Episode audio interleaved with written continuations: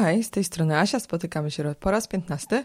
W tym tygodniu przyprowadziłam do Was Grzegorza, który opowie o tym, jak stał się młodym, ambitnym szwedzkim architektem, pokonując długą drogę, studiując na wielu kierunkach, kończąc różne uczelnie, perując światłem w teatrze, prowadząc grumadę zuchową. Posłuchajcie, zobaczcie. No hej. No cześć.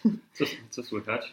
Mnie wyśmienicie. Ale przedstawimy Cię na początek. Ja Cię nazywam Asia, a natomiast Ty się nazywasz Grzegorz i jesteś e, gościem podcastu, ponieważ jesteś architektem, ale nie urodziłeś się architektem.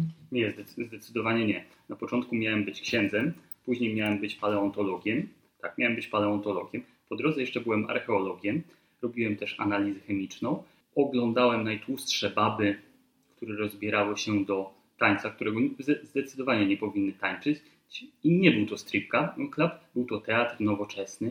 Teatr nowoczesny, bardziej taniec nowoczesny zajmowałem się mnóstwem różnych rzeczy, którym nie chciałem się zajmować. Dopiero później zrozumiałem, że jestem architektem. Ale nam jestem... zaspoilerowałeś mi cały podcast, teraz będzie mówił, aha, dobra, też wiem.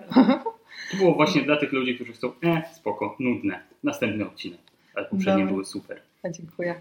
Dziękuję. Cieszę się bardzo, że tak mówisz. To zawsze miłe usłyszeć coś e, miłego na temat tego, co się nagrywa.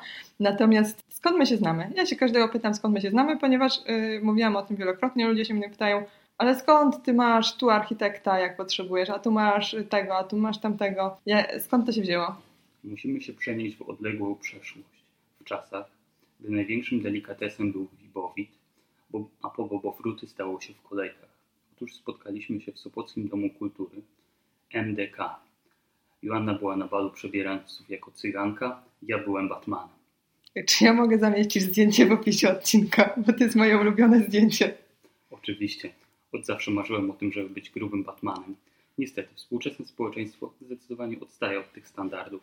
Nie, ja jestem zachwycona tym zdjęciem, zawsze się zastanawiam, e, sobie myślę, kurde, jak masz takie dziecko, które urodzisz, które jest e, po prostu ciemne i ma ciemne włosy i tak wiadomo, że ludzie w szkole dla kawału będą przynosili gruz i się pytali, czy nie jest głodny i po prostu będą cię wyzywali od cyganów tak czy inaczej, to sobie myślisz, za co przebiorę to moje dziecko na, na bal przebierańców? Za cygankę. To, to będzie spoko. No, ona na pewno nie chce być księżniczką jak inne dziewczynki. Niech, niech będzie cyganką, ale już był, był Batmanem. Więc y, no super, nie? Też taki, wiesz, sierotą. Zawsze byłem sierotą. Przebrajcie za sierotę. Rodzice chcieli coś zasugerować, że... Dokładnie tak. Oprócz tego, że zdecydowanie potrzebowałem miłości, moja mama chowała pluszowe zabawki do zamrażarki, żeby wmrozić z nich roztocza i inne alergeny. To było trudne dzieciństwo. Tak, z tego się śmialiśmy trochę. Bo twoja mama dużo o tym mówiła, że chowa ci zabawki do zamrażarki, ale dobrze, nieważne, bo nie rozgrzewujmy tego, to nie jest terapia, znaczy możemy po, popracować nad, nad tym jakby poza anteną. Natomiast spotkaliśmy się wtedy e, na tym balu przebierańców, a potem gdzieś tam e, znowu się spotkaliśmy i tak już od e, dawna się znamy. I ty robiłeś tysiące rzeczy, ponieważ jeśli dobrze pamiętam, ty byłeś na kierunku informatyczno-matematycznym w liceum. Tak, ale do liceum w zasadzie nie chodziłem. Tak jak powiedział Mark Twain, nie, pozwolę, nie pozwoliłem szkole stanąć na drodze swojej edukacji. Otóż, po, po ukończeniu prestiżowego gimnazjum numer jeden w Sopocie. to jest e, żart dla Sopocian. Piękne miejsce. Znaczy, są kraty w oknach i jest pan ochroniarz i on cię najpierw y, sprawdza, jak na lotnisku, po prostu, czy nie masz prochu na rękach, czy nie masz noża, i potem ewentualnie cię wpuścił. Mnie nie wpuścili, więc dlatego nie trafiłam tam, bo wyglądałam jak y, cygan, więc y, no nie, no nie wejdę, bo pewnie chcę robić sztuczki z kubeczkami, no i musiałam papiery za nie gdzie indziej. Mam story short. Wydaje mi się, że nie można było tego lepiej opisać. Trafiłem do nieco mniej prestiżowego trzeciego liceum ogólnokształcącego w Gdyni. Myślałem, tam się czegoś nauczę. Nie. Spotkałem się za to z bardzo dużą ilością banan, bananowych dzieci i stwierdziłem, że nie.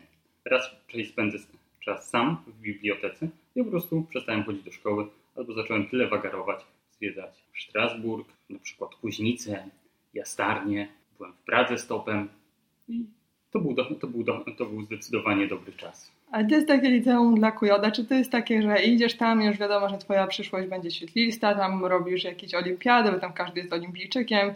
Jak masz olimpiadę jedną, tylko z jednego przedmiotu, to jesteś jakimś po prostu... Yy... No porażką życiową. Rodzice ronią łzy, starają się ciebie wyprzeć.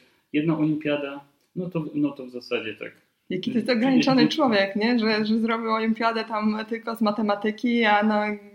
A jego, ko jego kolega na przykład został przyjęty do Harvardu albo e, ma pięć olimpiad, w tym jedna z chemii, druga z, bio z biologii molekularnej i czwarta, na, czwarta z historii. Mhm. Ale y, tam no, jednak y, większość y, Twoich kolegów potem gdzieś poszło właśnie na ETI albo na Harvard, albo tak. E, gdzieś, gdzieś tam się, ale w takim kierunku bardziej matematycznym, tak. informatycznym. Maciek jest, Maciek jest na przykład dostawcą pizzy w Bakerowie. Tak? Znaczy to nie mam go na Facebooku, ci, których znam, to, no, to może tak jest, że jak I nie się... zostało zmienione. Dobrze. Jak Ci się uda, to, to idziesz to, to bardziej to widać, nie? nie? Nie obserwujemy przegranych. Natomiast, y, no ale tam, tam raczej z tego kierunku matematyczno-informatycznego wszyscy się spodziewali, że ty pójdziesz gdzieś właśnie w kierunku informatyki, no bo jednak jesteś bystrym chłopcem. E, jakby jakbyś tu się nie, nie zasłaniał, no to jednak e, i, i opowiadał o tym, że nie chodziłeś do szkoły, to jednak zawsze wiedzę potężną miałeś. Ale gdzie ty poszedłeś na pierwsze studia? Trafiłem na, trafiłem na biotechnologię. Otóż po, po, dwóch, po dwóch wygranych konkursach wygrałem indeks na polibudę e, z chemii nieorganicznej.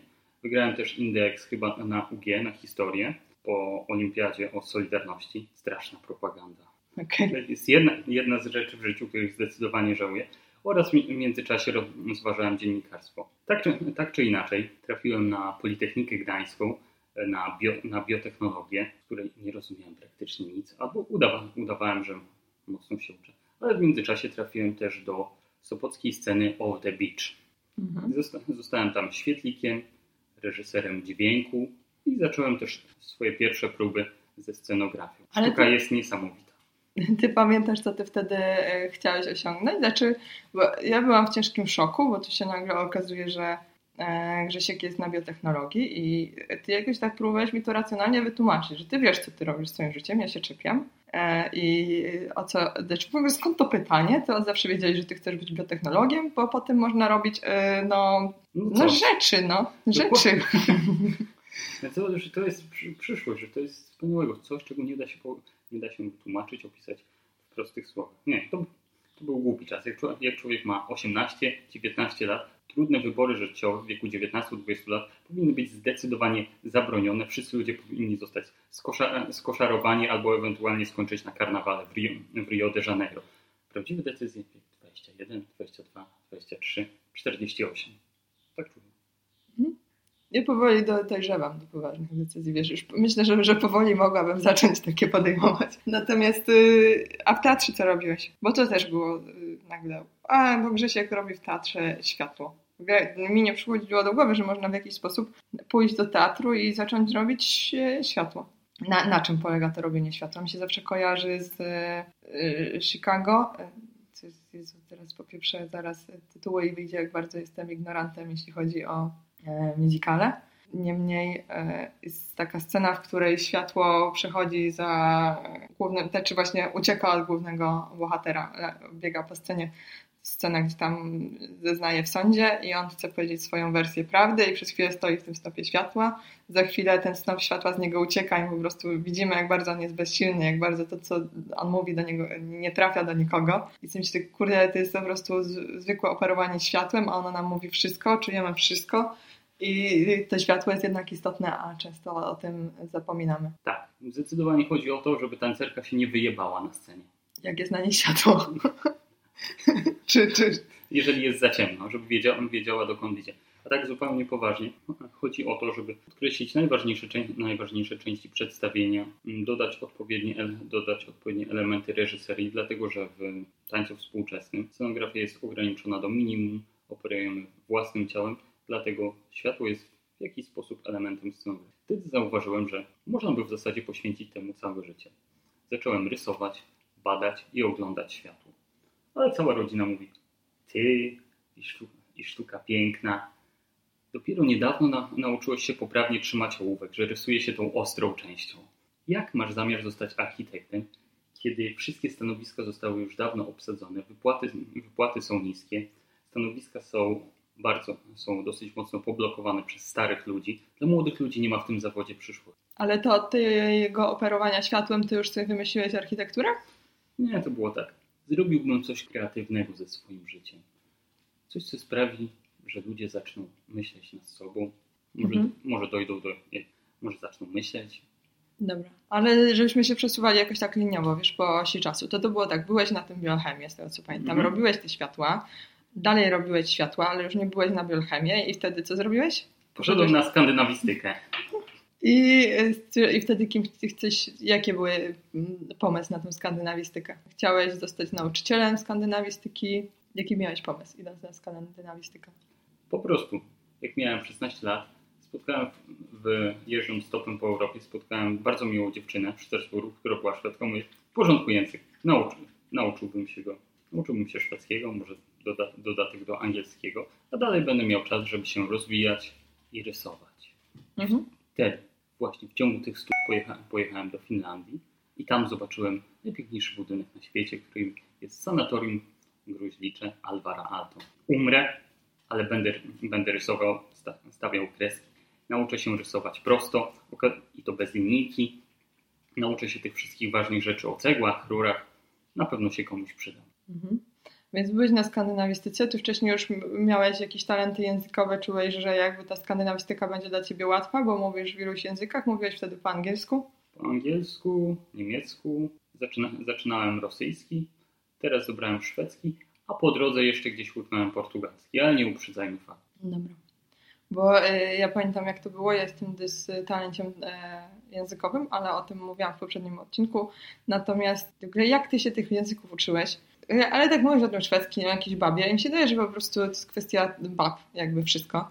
Przychodzę kiedyś do Grześka i on coś tam stuka w, moni- w monitor, nie stuka, w klawiaturę stuka coś tam pisze, ale próbuję ten ekran przede mną trochę przysłonić, a tam jakaś cyrylica. No i tak jakbym miała podejrzeć, co on tam wypisuje za zbereźne rzeczy, gdzie ja w ogóle nie, nie rozumiem rosyjskiego, nawet nie umiem tego przeczytać. I się pytam, jakim cudem ty człowieku piszesz po rosyjsku? A bo poznałem taką laskę na forum i sobie zaczęliśmy korespondować, to się tak na bieżąco uczy. Jak można się na bieżąco uczyć, pisząc maila gdzieś tam po, po rosyjsku do jakiejś dupy z forum? No ale to jest mm, Grzegorza może motywacja. Dupy z forum. Być może do Morał z A coś z tego jest... wyszło? Tak, mo- morał z historii jest taki, że dostałem od niej prezent. Moją pierwszą książkę w języku rosyjskim jest to Idiota. Nie wiem, czy chciała coś zasugerować. No, że trzeba czytać najlepszą rosyjską literaturę. Tak sobie to tłumaczę. Okay. Ale to ma koniec znajomości? Tak. Okej. No ale przynajmniej wyszedłeś z, z angielskim z tego. Na, na skandynawistyce uczyły cię się czego? Nie tylko e, szwedzkiego. Nie, nie tylko szwedzkiego. Uczymy się bardzo wielu bzdur o Skandynawii, które zdecydowanie nie są prawdą. Po wyjeździe tam okazuje się, że większość z tych informacji jest zupełnie nieprzydatna, a większość słów, które podobno wymawia się tak, wymawia się jednak zupełnie inaczej. Na przykład sławna szatuszka albo hun. Mhm. Co to znaczy? Czy co, czy, że mam ten, szminkę na zębach? Szatuszka to pielęgniarka. Mhm. Jernweksta hun to dworzec kolejowy. Okej. E, Więc e, mówisz, że jednak praktyka, ale ty pojechałeś na Erasmusa do e, Finlandii i siedziałeś tam, ile tam byłeś? Tyle, że zdążyłam cię odwiedzić. Dokładnie tak. Osiem, między 3 a 8 miesięcy. Było bardzo, było bardzo zimno, więc dokładnie nie pamiętam. Dni, zlewa, dni zlewały się w całość, a jak szedłem po choinkę, było minus 45, zamarzło mi absolutnie wszystko. I najważniejsze, co musicie wiedzieć, że jeżeli idziecie po choinkę przy minus 45 w Finlandii, pamiętajcie, żeby nie zamykać oczu na dłużej niż sekundę, dlatego że ponownie ich nie otworzycie. Dobra. Znaczy dla mnie to było istotne przeżycie, kiedy pojechałam do Ciebie do Finlandii. W ogóle to były piękne czasy. Ja e, leciałam samolotem za 19 zł i do dzisiaj jak sobie wspominam wyjazd do Ciebie, to myślę, samoloty za 19 zł do Turku. E, Ale to był już październik czy listopad i o ile ja tak tęsknię myślałam o krajach skandynawskich, że tam jest to przeżycie, tam są pieniądze, tam są e, ładni ludzie, tam są rowery, tam są ścieżki rowerowe, to pojechałam do Finlandii i było szaro. I było pięknie, były piękne domy w lasach, po prostu kurde, no tutaj siedzieć, y, robić na drutach i patrzeć na las, ale potem sobie myślałam, że ja nie dam rady, po prostu psychicznie bym wysiadła od razu przy tej szarości i przy tym temperaturze. Ale to by się nie odwidziało. Nie, zdecydowanie nie. Pokochałem Skandynawię pełną gębą. Antykapitalizm, e, ograniczenie konsumpcji, piękna natura, doskonałe projektowanie, wspaniałe podejście do życia. Doskonale tłumaczy to szwedzkie słowo fika, czyli odpowiedni czas na kawę, na porozmawianie z ludźmi, spokój, relaks, brak stresu. Średnia długość życia w Skandynawii o 10 lat większa niż w Polsce. Mhm. Znaczy ja uwielbiam Skandynawię, ale wolę Holanda. Czy moje serce jest w Holandii i jest tylko holenderskie, a jakby Skandynawię je podziwiam i uwielbiam sobie nawet popłynąć z Gdyni do Karlskrony na jeden dzień, zjeść lody, wypić kawę i patrzeć na ludzi, po prostu siedzę i gapię się na ludzi, z jaką radością oni robią takie proste prace. Dla mnie to jest wspaniałe, że tutaj mamy cały czas taką presję, że musimy robić coś takiego niezwykłego, osiągać wspaniałe rzeczy, a tam siedzę w kawiarni i patrzę, jak pan czyści słup ogłoszeniowy z naklejek jaką on ma ładną skrobaczkę, jaką on ma ładne rękawiczki do tego, jaką on ma szlifną szlifierkę, żeby to oszlifować potem, jak on trzy razy sprawdza, czy nowy plakat, który on wiesza, on jest na pewno prosto, czy to tworzy jakąś fajną kompozycję. I co chwilę koło niego ktoś przechodzi i mówi, i tam się pyta, co, co u niego. I oni sobie na chwilę po, pogawędzą. On mu pokaże, jak to ładnie oszlifował, bo on jest po prostu dumny z tego. A potem wsiada na swoją małą łódeczkę i gdzieś sobie e, pływa razem z lekarzami i innymi, chciałbym powiedzieć, architektami, jako taki nobilitujący zawód. Z Grzegorza sobie pływa. Nie, to jest super, bo to jest taka prosta, e, prosta radość tego, co się robi i świadomość, że po prostu robi się to dobrze i to jest fajne, ale no, do tego też są potrzebne pieniądze, nie? bo jednak on ma fajne, fajne narzędzia. Co innego, jak musisz to skrobać e, paznokciami, bo po prostu nie było budżetu na, na szczoteczkę. E, no dobra, pogadałam, pogadałam, a ty jesteś, wróciłeś z Finlandii, jesteś na skandynawistyce dalej już wiesz, że coś byś chciał poprojektować i jaki jest Twój pierwszy krok? Jak zawsze, irracjonalny. Jako, że większość czasu na wagarach spędzałem w Orłowie, jest tam całkiem, całkiem interesująca szkoła plastyczna. Okazuje się, że prowadzili też kursy policjalne związane z rysowaniem, projektowaniem. I okazało się, że to był jeden z najlepszych wyborów podczas mojej edukacji. Mhm. E, oprócz, te, oprócz tego, że nauczyłem się, że ludzie w obronie własnej potrafią ugryźć drugiego człowieka w nos. To się dowiedziałam w podstawówce. Ile lat musiałam na to czekać? że, nie miesza, że nie miesza się pewnych rodzajów narkotyków. Na szczęście nie na, na własnej skórze. I że... Dowiedziałam się w gimnazjum. Nie, chyba szybciej. Nie również bardzo wielu rzeczy o kompozycji, hmm, prowadzeniu kreski, historii sztuki, podejściu do sztuki nowoczesnej, to tak, był, był to zdecydowanie jeden z lepszych wyborów i mogę śmiało polecić zespół szkół plastycznych w Orłowie. Ale policjalki dalej są? Jak, jak najbardziej istnieją. Bo był taki moment, jak byłam też w szkole policjalnej, bo bilety ulgowe, e, no i e, tak było. Dlatego jestem wizualizarzystką, stylistką był taki moment, że mówili, że już policjalek nie będzie, już je ściągają, wygaszają szkoły policjalne i teraz już tylko studia, albo, albo po prostu masz maturę i tyle. Dobra, a co, powiedz mi coś takiego, możesz mi teraz, wiesz, wygarnąć. Co Asia powiedziała, jak powiedziałeś, że idziesz do policjalnej szkoły plastycznej? Na, na swoje szczęście mam bardzo słabą pamięć. Możesz mi przypomnieć. Nie, to ostatnio mi wypominałeś, ale ja to pamiętam że ja powiedziałam, że to jest strasznie durny pomysł. Ja byłam, i to, to, jest taka lekcja dla słuchaczy, żeby nie słuchać nawet Aci. Nawet tak oświeconego człowieka, jakim jest Acia, czasami nie warto słuchać, tylko mm -hmm. warto e, robić swoje. E, no bo Grzesiek już zmieniał te studia, zmieniał te studia i w tym momencie e, uczył się tej skandynawistyki i nagle przychodzi i mówi, że on teraz zostanie architektem. Ja widziałam, jak Grzesiek rysuje. Ja widziałam, jak on rysuje. No i to nie była sztuka, tylko to było takie znaczy nawet nie tyle, co widziałam, że rysuję, tylko po prostu przy takiej prostej notacji, jak masz sobie narysować koło, to po prostu była taka spompowana dętka od roweru. E, I tak, kuźwa, no jak on wpadł na pomysł, że on teraz w szkole policjalnej przez dwa lata się nauczy rysować, gdzie moi znajomi się przygotowywali na architekturę. Przez całe liceum siedzieli na zajęciach jakichś tam plastycznych wieczorami, w nocy rysowali te martwe natury. Przez dom nie mogli przejść, bo jak sobie poustawiali te konewki, to wszystko to po prostu pół roku to stało, aż oni skończą to. No i naprawdę zapierdzielali, żeby na tą architekturę ci dostać, a ten sobie robi ETI, robi sobie, znaczy ETI, robi sobie klasę informatyczną, potem sobie się uczy języków, jeździ po świecie Erasmusa i teraz on sobie zrobi teczka i się nauczył, nie?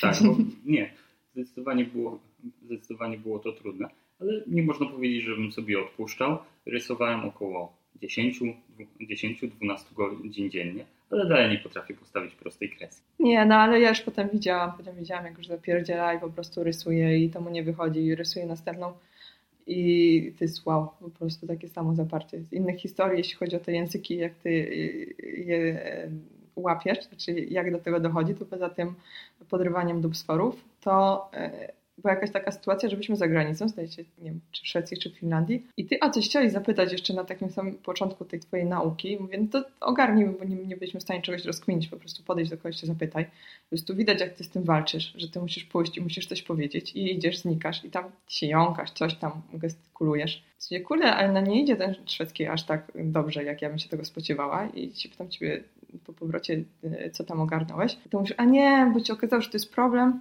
bo oni e, nie są Szwedami, tylko Estończykami, więc no ja, ja w tym nie jestem najmocniejszy. Ja pierdzielę. W ogóle jak? No ale nagle jedziesz w jakimś tam języku, którego tak, gdzieś... to, to była mieszanka fińskiego, przynajmniej podstaw fińskiego, którego się nauczyłem w Finlandii i rosyjskiego, ale tak, dało się z nimi dogadać. Tak, więc to jest po prostu przejmowanie. Ja dzisiaj opowiem Ci taką budującą historię, mam nadzieję, że to Cię będzie budująca, bo myślałam sobie przygotowując się do tego odcinka właśnie, e, co ja o Tobie wiem i co jakby, e, skąd ten, to, co zrobiłeś jakby wynika. Więc myślałam, że kurde, to jest taka ciągła walka ze sobą, że Ty po prostu sobie nie odpuszczasz, tylko coś jest niewygodne, nieprzyjemne, po prostu cały czas poza strefą komfortu, ale gdzieś tam, a zabrało, zabrzmiało kołczowo i nagrywałam zapowiedź poprzedniego odcinka dzisiaj rano w lesie. I jestem tak spięta z aparatem i nie mam problemu z gadaniem do tego aparatu, tylko mam problem z tym, że o mój Boże, ktoś będzie szedł z psem i zobaczy, że ja jak czub po prostu gadam do, do, do kamery, sama do siebie, po prostu siedzę w lesie i bełkoczę, e, co on sobie pomyśli w ogóle. No i potem udało mi się tam część nagrać, chciałam dograć takie, że idę przez las, że idę po takim obalonym drzewie, które było na wysokość tak mniej więcej półtora metra bo ono gdzieś wisiało, no i e, ustawiłam sobie kamerę. E, szłam po tym drzewie, w pewnym momencie się stwierdziłam, że za wysoko zaraz się nie tyle co zabije, co nieprzyjemnie połamie, więc zacznę się półczągać, półślizgać po tej gałęzi, co już samo w sobie wyglądało dosyć żenująco. Do tego ta kamera ustawiona, która nagrywa jak się ciągam, e, ślizgam, idzie jakaś kobieta. I myślałam, o mój Boże, no muszę jakby wygrać z tym, z tym moim takim lękiem, że ktoś sobie coś pomyśli. No i mówię do tej kobiety, przepraszam bardzo, nie wiem jak złapałam kadr, czy pani będzie uprzejma podejść do mojego aparatu, bo miałam zły obiektyw, ten aparat mm -hmm. był dosyć daleko ode mnie i mi coś tam powiedzieć, gdzie ja jestem, gdzie jest drzewo i tak dalej. To nie było mi do końca potrzebne, bo ja wiedziałam, gdzie jest ten kadr. Więc myślę, muszę to zrobić, -hmm. to coś tam pęknie, gdzieś tam przejdę pewną granicę. Ona w ogóle nie była zadowolona z tego, bo ona nie wiedziała, co ja tam robię. Też ludzie się boją, że się ich nagra przy tym. No ale proszę, no to yy, nieuprzejmie będzie powiedzieć walsie. No i e, spoko, bardzo byłam się, to jest taka mała rzecz, nie? To jest pierdoła, to jest zagadać do człowieka ale myślę, okej, okay, dobra, może, może mi się z tym uda, ale to po przemyśleniach na temat tego, jak ty e, rozmawiasz w innych językach, których nie znasz, bo po prostu e, wierzysz, że się uda. E, w międzyczasie pływałeś, pracowałeś. Co, pracowałem cały czas. Oprócz, oprócz tego, że pracowałem w informacji turystycznej, rowerowej i nierowerowej, oprowadzałem wycieczki w języku szwedzkim, rosyjskim, dalej pracowałem w teatrze, robiłem, robiłem zlecenia, rysowałem, praktycznie od 16 roku życia nieprzerwanie pracuję. Myślę, że to buduje charakter. Mhm. A co wspominasz najgorzej z tych rzeczy, które robiłeś?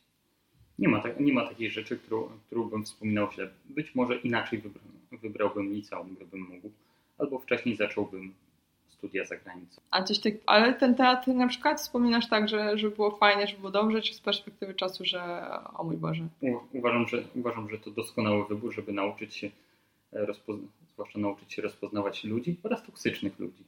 Okay. Potem czasem nawet powiedział, wpadnij do teatru, ale ja miałam taki lęk przed teatrem, potem jak byłam na kilku spektaklach, gdzie ludzie się rozbierali. Ja już byłam straumatyzowana, po prostu e, teatr nowoczesny i to zawsze musi coś wyrażać, a najlepiej to wyrazić, to po prostu ściągając spodnie.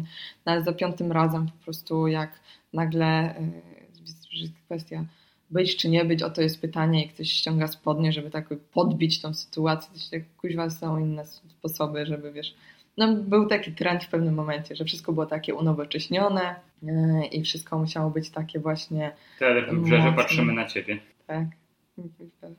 Szekspir, nie?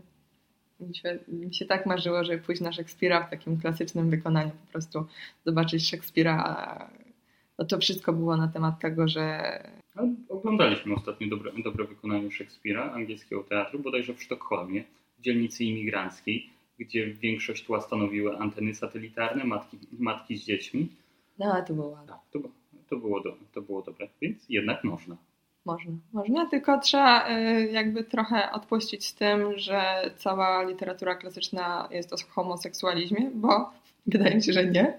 A jak ostatnio, ostatnie interpretacje. Herezja. Ostatnie interpretacje wszystkie sprowadzają się do tego, że to był zakamuflowany przekaz. I nagle się okazuje, że i, oglądam Romeo i Julia i Julia jest y, facetem. Dobra, jest to pewien sposób E, interpretacji tego dzieła, no to jakby też ten konflikt, jakby ten społeczny odbiór, wtedy faktycznie taki nieprzychylny można tłumaczyć takim, e, taką sytuacją, ale jeśli to jest już piąta interpretacja piątego dzieła i wszystko przez ten sam schemat przepuszczone, ja się poddałam. Stwierdziłam, że nie dam rady. E, nie, nie, za, za, za cienki ze mnie człowiek, żeby po prostu tak szeroko interpretować sztukę. Okej, okay, ale to jest no, zawsze jakieś doświadczenie, nie? Zawsze się uczymy. Zrobiłeś policjalkę pływając i ro, robiąc wycieczki. Mhm. Skończyłeś policjalkę, miałeś teczkę i wtedy poszedłeś na architekturę. Na, na Politechnikę Gdańsk. To był, to był trudny czas. Mhm. A ile wtedy miałeś lat już? Już byłeś starym dziadem. Tak, zdecydowanie tak. Wydaje mi się, że życie zamknęło przede mną swoje bramy ogląda, katowałem podwodne życie Steve'a Zissou, gdzie facet ma kryzys, kryzys wieku średniego. Dos, doskon, swoją drogą jeden z najlepszych filmów, zaraz po Dobrym, Złym i Brzydkim.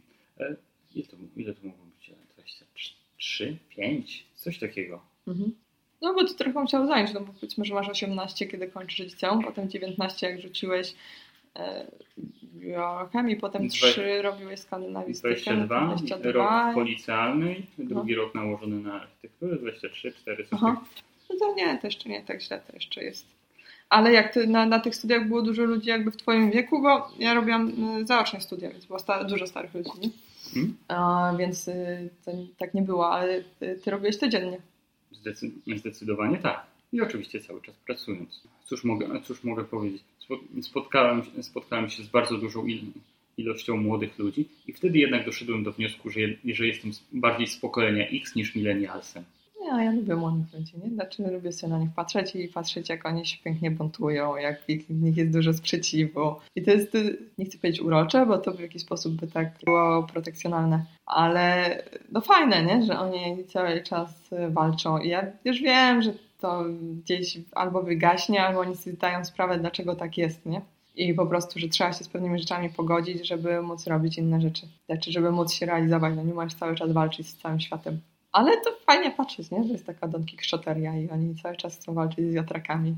Chociaż muszę, muszę Ci powiedzieć, że niektórym się udaje i ci, którzy mają solidną wiedzę, bardzo, bardzo dobre podstawy, przeczy, przeczytali bardzo, bardzo dużo, w jakiś sposób kontynuują tę, tę swoją walkę.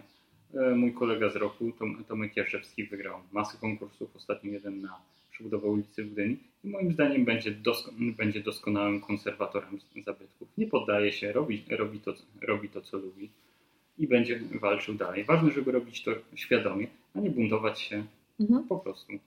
Ale miałeś takie poczucie, że gdzieś tam oni są wszyscy od ciebie młodsi, no bo to jednak były dzieciaki, wiesz, studiowałeś z takimi ludźmi, których tam gdzieś znamy, bo byli trzy lata od nas właśnie młodsi, czy nie, wydaje mi się, że nie, nie miałem. Nie miałeś takiego odbioru? Nie. Cały, cały czas myślę, że jestem, zam, jestem umysłem gimnazjalisty zamkniętym w ciele 30-latka. Okej, okay, czyli tam wszystko było ok, nic nie zgrzytało? Nie, jak, naj, jak najbardziej nie. Okej, okay, no to jakby y, potem na tych studiach to jest faktycznie taki zapierdziel, jak mówił? Tak, to, to prawda. Wychodziłem z domu o, o 6 rano, wraca, wracałem do domu o 21, 22. Czasami ochrona wyganiała mnie z Politechniki, dlatego że no, zamykali budynek. Mhm. A, a, siedziałem na polibudzie, a nie, nie, w domu, dlatego że tam są duże stoły do, do cięcia modeli, czy do, czy do malowania, rys, rysowania. Poza tym łatwiej, łatwiej, zdecydowanie łatwiej się pracuje poza miejscem, gdzie się śpi. Mhm. Nie rozumiem ludzi, którzy pracują z domu. Ja jakby radzę sobie, ale to nie jest łatwe. Wiem, dlatego Cię podziwiam i nieustająco jesteś dla mnie inspiracją. Czy to nie ma się czego inspirować, nie? Bo ja nie uważam, że to w ogóle było jakieś e, dobre rozwiązanie. Znaczy to jest dobre rozwiązanie na pewnym etapie, jeśli masz nie, dzieci po prostu, czy coś, jakieś inne ograniczenia. Mhm. Piękne zdanie. No, ale, ale tak. Zresztą ja też lubię sobie gdzieś wyjść i jeśli mam napisać jakąś pracę tam, no, powiedzmy półnaukową, to Mhm. idę do biblioteki, bo po prostu tam jestem i, i się stamtąd nie ruszę, dopóki nie, nie zrobię tego, co mam do zrobienia. Jak jest z matematyką? Ludzie się boją matematyki. A wiesz, y, problem jest taki, że jeśli ktoś ma, już- mówię, bo zrobić taką minę wielkie oczy, co z matematyką.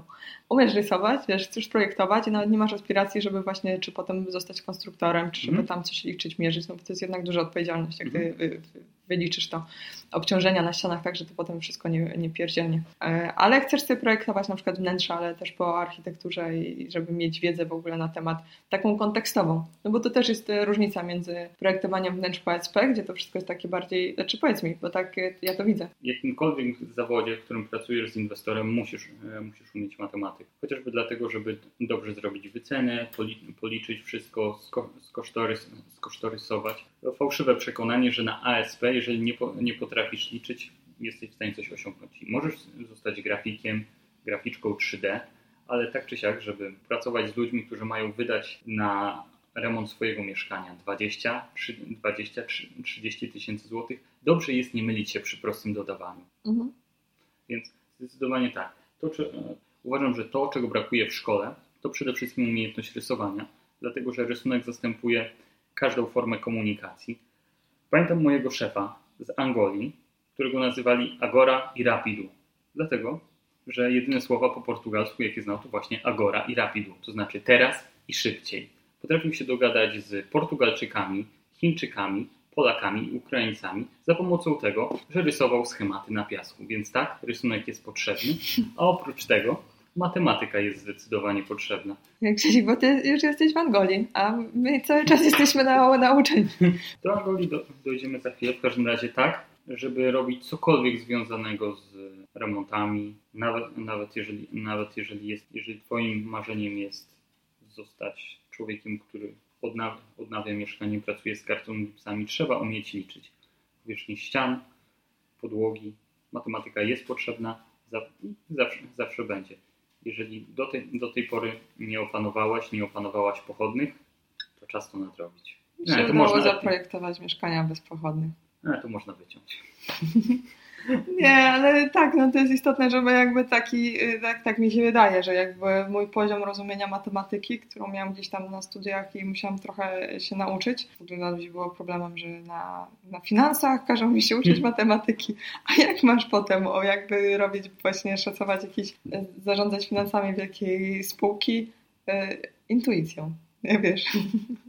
No dobra, a, a to, to nie tak, ale znaczy nie, nie o tym chciałam mówić, natomiast tak, no, zdarzyło mi się, że się rąbnęłam w wielkości ościeżnicy po prostu o, o pół centymetra. No i to jest problem, bo musisz na przykład kuć w betonie potem i to koszt y, skoczy niesamowicie, bo fachowiec ci powie, ile on ci weźmie za spiłowanie pół centymetra betonu, to się zgarbisz. Ale przy projektowaniu mieszkań to po prostu trzeba umieć wszystko mnożyć przez półtora. Znaczy głównie jak szacujesz koszty, to jak już wszystko dobrze policzysz, już jesteś pewien, że wszystko masz na 100% wyliczone co do grosza, to wtedy to razy 1,5 i jesteś gdzieś blisko właściwego wyniku. Można, można, tak, można tak zakładać. Tak, tak nie mówi doświadczenie moje. Projektowałeś, projektowałeś i kiedy zaprojektowałeś pierwszy raz coś takiego, że sobie myślałeś, chyba zrobiłem to, nie?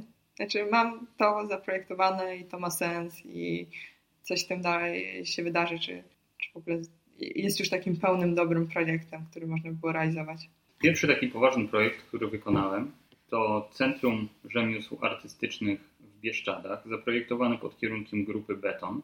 Polecam ich wykonania i realizację oraz pod okiem genialnej profesor Cielątkowskiej, z którą projektowałem w zasadzie 3 lata studiów. Mhm. Udało nam się też uratować kilka z ukraińskich kościołów, rozbierając je kawałek po kawałku, głównie przed zagrożeniami nadchodzącej wojny z Rosją.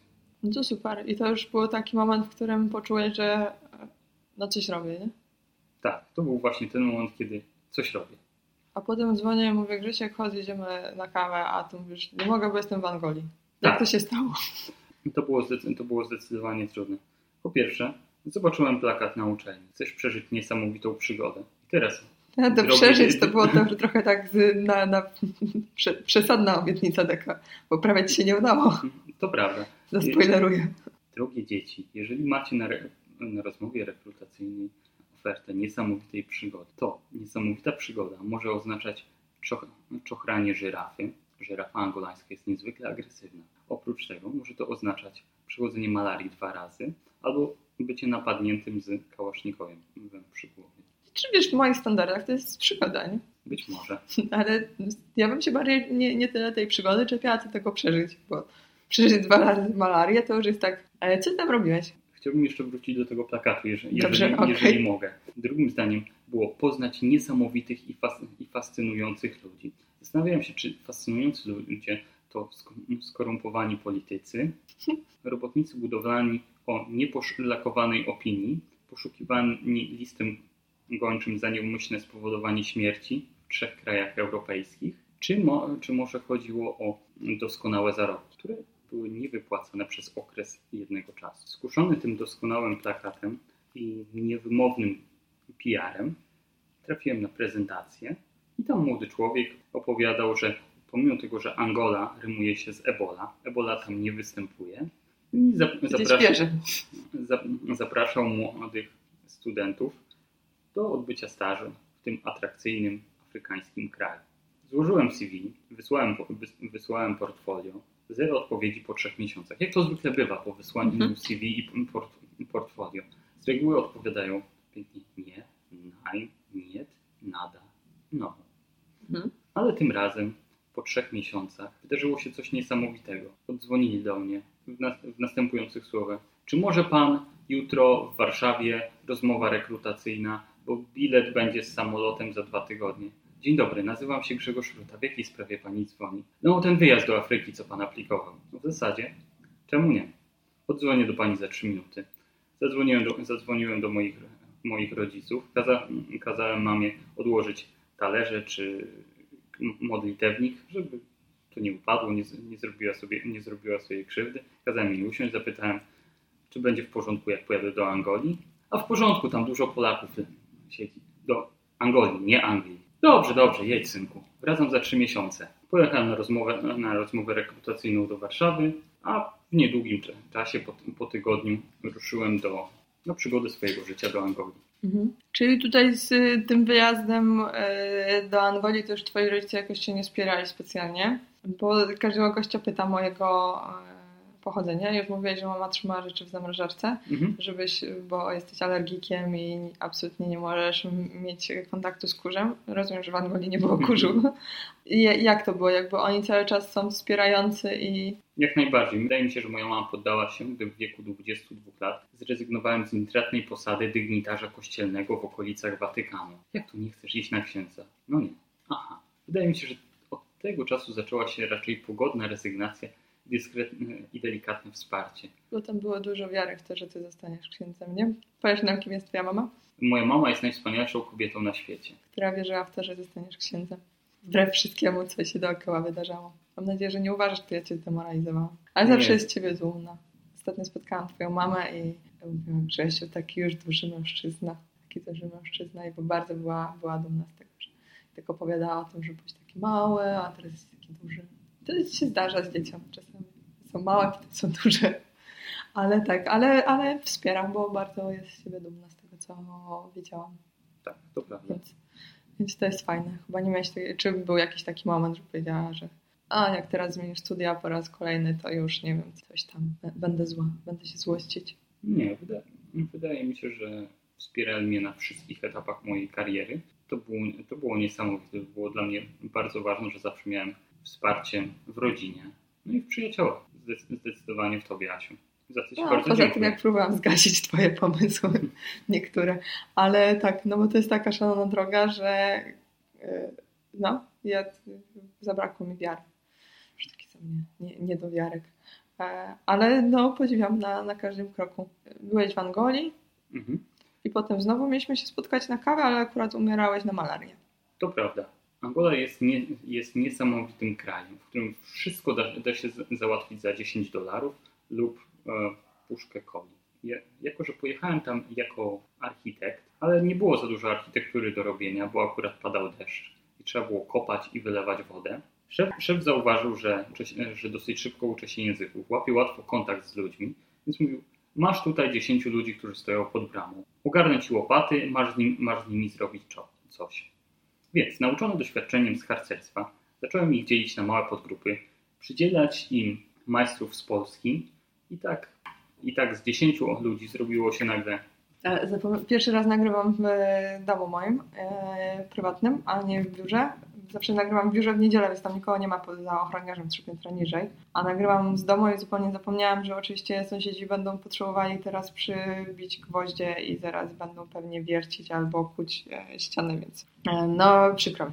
Przykro mi, a to jeszcze drażni psa i o, dobra. Ale podzieliłeś na grupę. Od, od początku. E, zacząłem od, 10, zacząłem od 10 osób miejscowych, którzy zostali takimi mikropomocnikami pol, polskich majstrów. Okazało się, że robota szła 3, 4, 5, 5 razy szybciej. Zacząłem ich dzielić na małe grupy, nauczone, nauczone doświadczeniem z harcerstwa. I oni tak zaczęli przychodzić pod ten płot i robiło się ich coraz więcej. W pewnym momencie zrobiło się ich 200 osób. Co uważam, że całkiem pokaźne osiągnięcie. I oczywiście każdy polski majster miał 10 angolańskich pomagierów. Część z nich była, była samodzielna.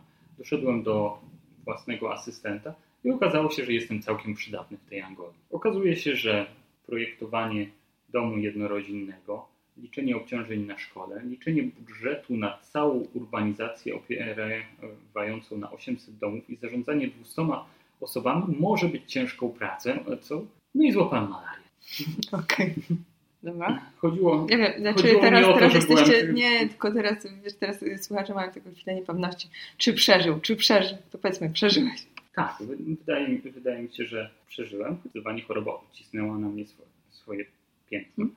Stwierdziłem, że może, może jednak nie, może jednak czas wracać do domu. W międzyczasie z nim na pewno się zdecydowałem, złapałem, złapałem malarię dru, drugi raz. I muszę, muszę też powiedzieć, że to wcale nie, jest, wcale nie jest taka poranna igraszka, dlatego że jeden z robotników budowlanych, który również dostał malarii, za każdym razem jak próbowaliśmy go zawieźć do szpitala, odmawiał, odmawiał, aż wreszcie koledzy wrzucili go na pakę samochodu, dlatego że zaczął strasznie i niesamowicie cuchnąć.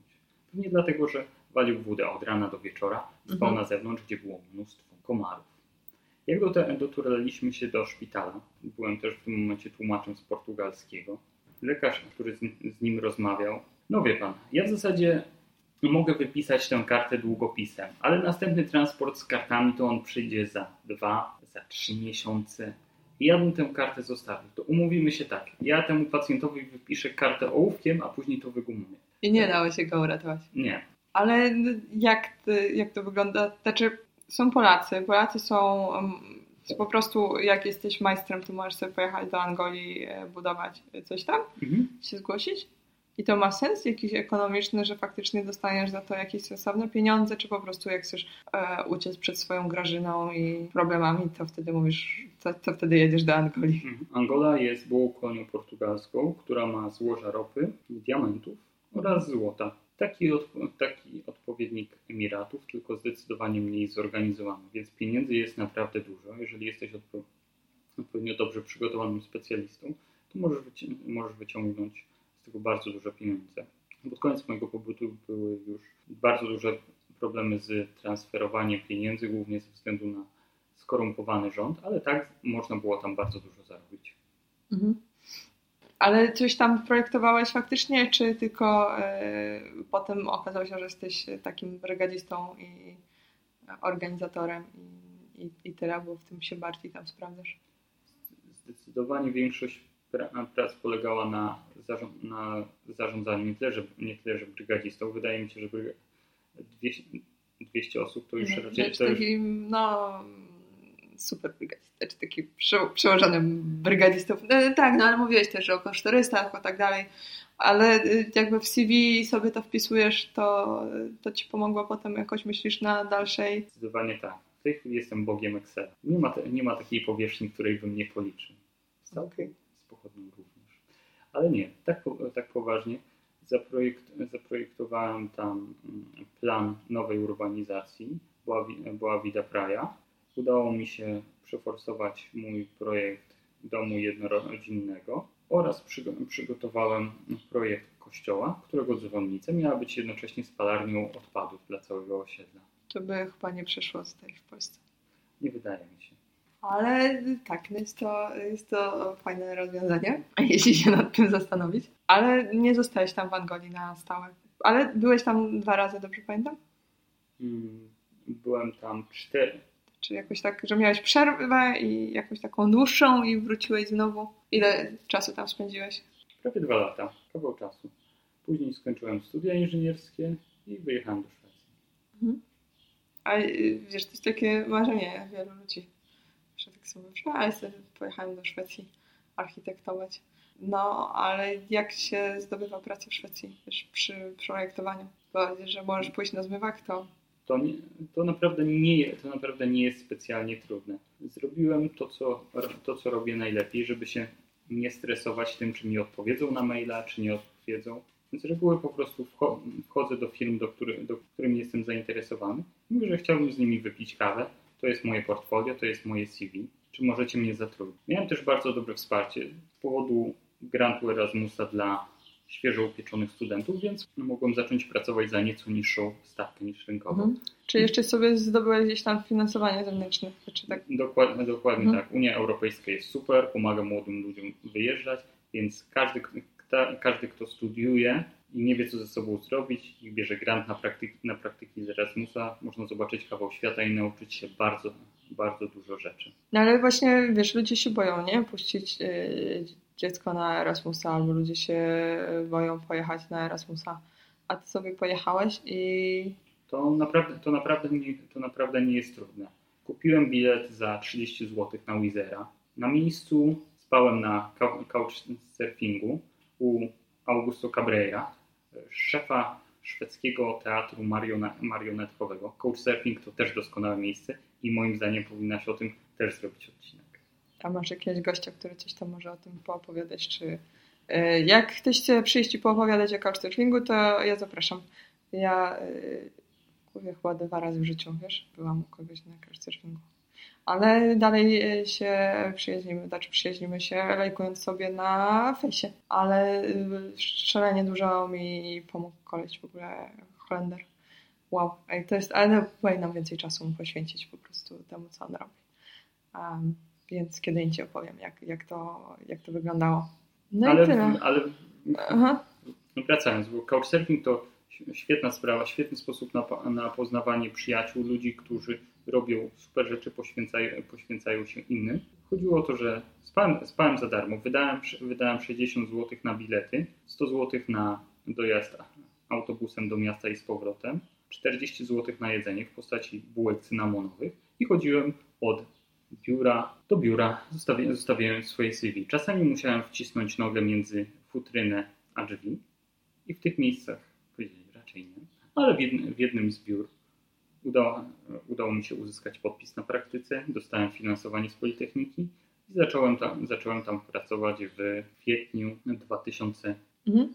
Ale masz jakiś taki, y, taką sprytną sztuczkę, jakąś, jak to zrobić, żeby, wiesz, bo to jest dla ludzi panika, nie? Znaczy, po pierwsze musisz gdzieś wleźć i powiedzieć, że przepraszam bardzo, a ja tu przyjechałam z Polski i ja teraz dostanę sz- szwedzkim architektem. E, Taki jest mój po- pomysł. I, albo na przykład, jeśli ktoś ci coś powie niemiłego, bo na pewno były takie sytuacje, że no nawet nie o tyle niemiłego, co po prostu mało entuzjastycznego, nie? I że to jednak gdzieś tam ego zakuje, że kurde, a dlaczego mnie nie chcą, nie? A w tym miejscu, a tu pani mi nawet nie posłodziła kawy, to chyba znaczy, że wiesz, ja umiem takie rzeczy, znaczy no, staram się przed tym bronić, Mhm. ale wiesz, ktoś mi da kawę, i, ale ktoś mi da kawę bez cukru, na pewno mnie nienawidzi i jest teraz złe, że ja mu marnuję czas, bo ja przyszłam ze swoim pomysłem, a wróć do domu i, zamień się, wiesz, w kołdrę udawać burrito. Polecam, nie? Czyli tak spędzam dużo, dużą część życia, ale no nie zawsze warto. Czasem jednak jakoś walczysz, czy już to tak się tego nauczyłeś, że to ogarniesz? Czy płaczesz? Nie, wydaje mi się, że to wszystko przychodziło mi naturalnie.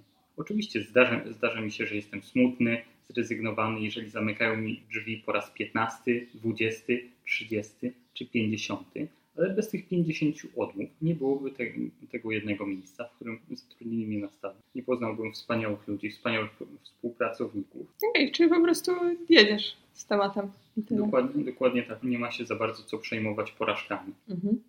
I teraz, y, który rok siedzisz już w biurze architektonicznym? Już trochę tam siedzisz, nie? Mhm. Mi- Minął mi tam rok i właśnie zaproponowali mi stałe zatrudnienie za Ja, ten, ten dźwięk będzie źle brzmiał w podcaście, ale tak, ale Grzegorz wczoraj do mnie napisał, że jest cały teraz już, y, y, już ma wszystko, nie? Już mu nic więcej do szczęścia nie potrzeba, bo już dostał e, prawdziwą umowę w swoim biurze i y, pieniądze normalne. E, I, no bo czasami tak jest, że trzeba porobić za mniejsze pieniądze, jakby i to nie ma sensu patrzeć chyba e, cały czas z nienawiścią na Szwedów, że oni się urodzili Szwedami i że tam po prostu będąc e, gówniakiem, to idziesz do roboty i dostajesz większe pieniądze, a tobie z Polski jest trudniej się przebić, bo to chyba e, tylko tobie jest ciężej, nie? Jakby tylko właśnie cieszyć się tym, że teraz już masz zupełnie normalne, już masz takie szwedzkie warunki, jakbyś był Szwedem. Dokładnie tak. Coś niesamowitego, że Szwedzi potrafią wszy- wszystkich, wszystkich traktować równo, doceniają specjalistów, docen- doceniają profesjonalistów. Na pewno dużo pomógł mi też, mm, też obecny boom na rynku budowlanym w Szwecji. Dzięki temu udało mi się łat- łatwiej udało mi się przebić. Ale wy- wydaje mi się, że społeczeństwo szwedzkie jest na tyle otwarte, że jeżeli ktoś jest dobry w czymkolwiek, co robi, może znaleźć swoje miejsce w lub też w Norwegii lub w Danii. A który ten kraj skandynawski jest twoim takim ulubionym, najbliższym? Zdecydowanie Szwecja. Ja myślałam, że może Finlandia, bo miałeś taką fazę, wiesz. Finlandia nie jest krajem skandynawskim, należy do, należy do krajów nordyckich. Dobrze. Kraje skandynawskie to te, które miały króla i były, po, były połączone Unią Kalmarską. Ja się w tym podcaście tak kompromituję z odcinka na odcinek, że po prostu, no ale trudno, przynajmniej dobrze się bawię. Ale to prawda, Finlandia jest super, fińscy architekci są najlepsi na świecie, E, ale nie zapominajmy też, że architektura to przede wszystkim sztuka komunikacji, Mhm. a język fiński jest prawdopodobnie matką samego szatana. Lub też językiem elfów, jak twierdzi Tolkien. Może tak być.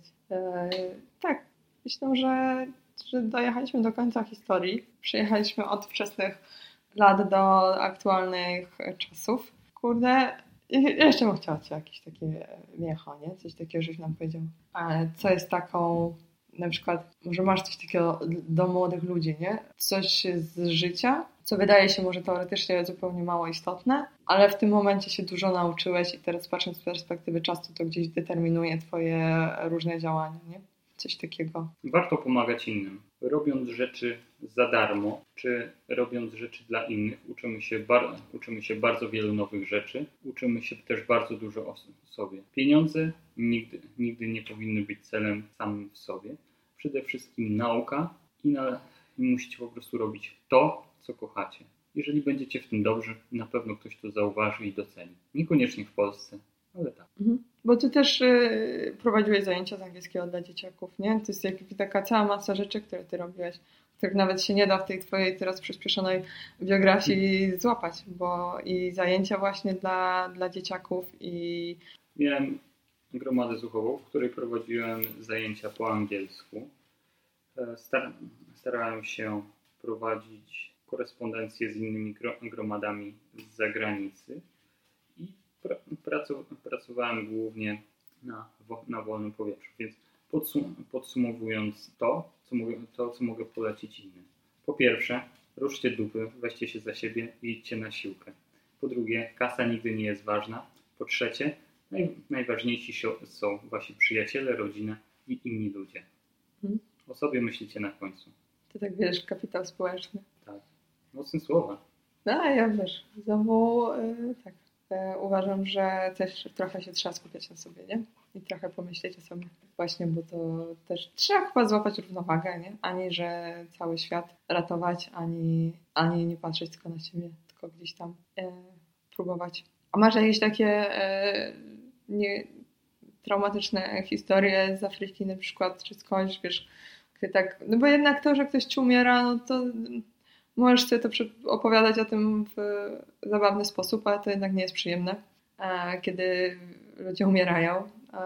Coś takiego, co cię tak wstrząsnęło tobą, albo zrobiło jakieś wrażenie, czy po prostu siedząc tam przez dwa lata, to już się tak się przyzwyczaiłeś do tego Afryki, że wszystko jedno. Nie wiem. Na pewno zszoko zszokowało mnie to, jak dzieci bawiły się odpadami medycznymi ze szpitala. No, nie ma żadnej praktycznie polityki wywozu śmieci, nie ma żadnej, żadnej segregacji, dużo kontroli. Zszokowa zszokował mnie widok w szpitalu publicznym, gdzie brakowało łóżek, wszyscy, wszyscy leżeli na podłodze i przypominało to, przypominało to bardziej umieranie. Ale z drugiej, jednak z drugiej strony warto zwrócić uwagę, że mieszkańcy Angolii są zdecydowanie bardziej przygotowani do życia niż my. Dlatego, że w Europie większość sytuacji jest dla nas straszna, przytłaczająca albo, albo nas obraża. Większość rzeczy jest mocno dołująca. Oni po, oni po prostu się cieszą. Tańczą, tańczą na pogrzebie, są radośni i dosyć, dosyć dobrze przygotowani do życia. Być może nie za, nie za bardzo martwią się przyszłością, stawiają na tu i teraz. I nie, nie apeluję do mitu szczęśliwego dzikusa Rousseau. Po prostu łatwiej, wydaje mi się, że są, że są silniejsi i łatwiej radzą sobie z problemami codzienności. Dużo się nauczyłem w Anglii. Mhm. Nie, pozostaje mi tylko podziękować sobie za rozmowę. E, myślę, że to będzie kolejny fajny odcinek, tak, nieskromnie e, powiem. Odcinek, z którego ludzie będą mogli wyciągnąć wnioski. Bardzo się staram trafić do młodych ludzi też i do ludzi, którzy gdzieś tam czegoś szukają, testują, żeby właśnie zdawali sobie sprawę, jak wiele możesz e, zmienić, jak wiele jest opcji i jak e, bardzo zawsze możesz powrócić jakby do korzeni, do tego, co gdzieś tam myślało się o tym, że może fajnie by było to robić. najbardziej zawsze mnie boli, jak widzę kogoś, kto e, wpadł w taką pułapkę właśnie utraconych korzyści, czy tam tego, że zainwestował ten czas, pomyliłam ten termin. Natomiast tak, że ktoś zainwestował, a nie utraconych kosztów no, naj, najbardziej mnie martwi, kiedy ktoś wpadł w pułapkę utraconych kosztów, że już zainwestował rok w studia i on już się z tego nie wycofa, ponieważ to już było tyle czasu i rodzice będą krzywo patrzeć, a znajomi coś powiedzą. Nieważne, no. Jakby, no trudno to powiedzą, no to będą krzywo patrzeć, ale potem okazuje się, że jedziesz 5 lat studia, których nienawidzisz od pierwszego semestru i nie będziesz nigdy realizować w zawodzie, bo po prostu już zostało ci tak zobrzydzone w tym czasie, że e, gdzieś nie warto. To też nie jest tak, że zawsze ta droga jest miła i przyjemna, nawet na tym naszym wymarzonym kierunku, bo przypuszczam, że nieraz po prostu na widok makiety dostawać odgrawek, ale warto próbować, czasem się cofnąć, czasem pójść w innym kierunku. Nawet jeśli Asia mówi, że co robisz jest głupie, no może nie mieć racji. Mhm. Wydaje mi się, że większość umiejętności jest na tyle uniwersalna, że można, można je stosować w dorosłym życiu zawodowym. Ja obecnie robiąc wizualizację korzystam z umiejętności, których nabyłem w, podczas oświetlania ludzi w teatrze. Nigdy nie wiesz, co ci się przyda w życiu później. Pewnie jest zarządzania zespołami i tak dalej, nie? Jakby teraz te zawody są tak multi... no, multi co? Nie wiem, pomóż mi, podróż mi. Multi, multi. Inter, interdyscyplinarne. Że jakby to nie jest jedna umiejętność, która ci się sprawdzi. Dobra. E, jeszcze raz Ci dziękuję, że przybyłeś, że się spotkaliśmy. To ja dziękuję za wywiad. E... Niesamowicie miło. Jest to, mój, jest to mój drugi wywiad. Nie jest to wywiad do Men's Health'a, ale tak, zdecydowanie było miło. Nie, może mamy jakichś słuchaczy, którzy Ci załatwią, wiesz, Men's. Dajcie znać, Grzesiek by chciał o, okładkę zrobić. Dobra, do usłyszenia za tydzień.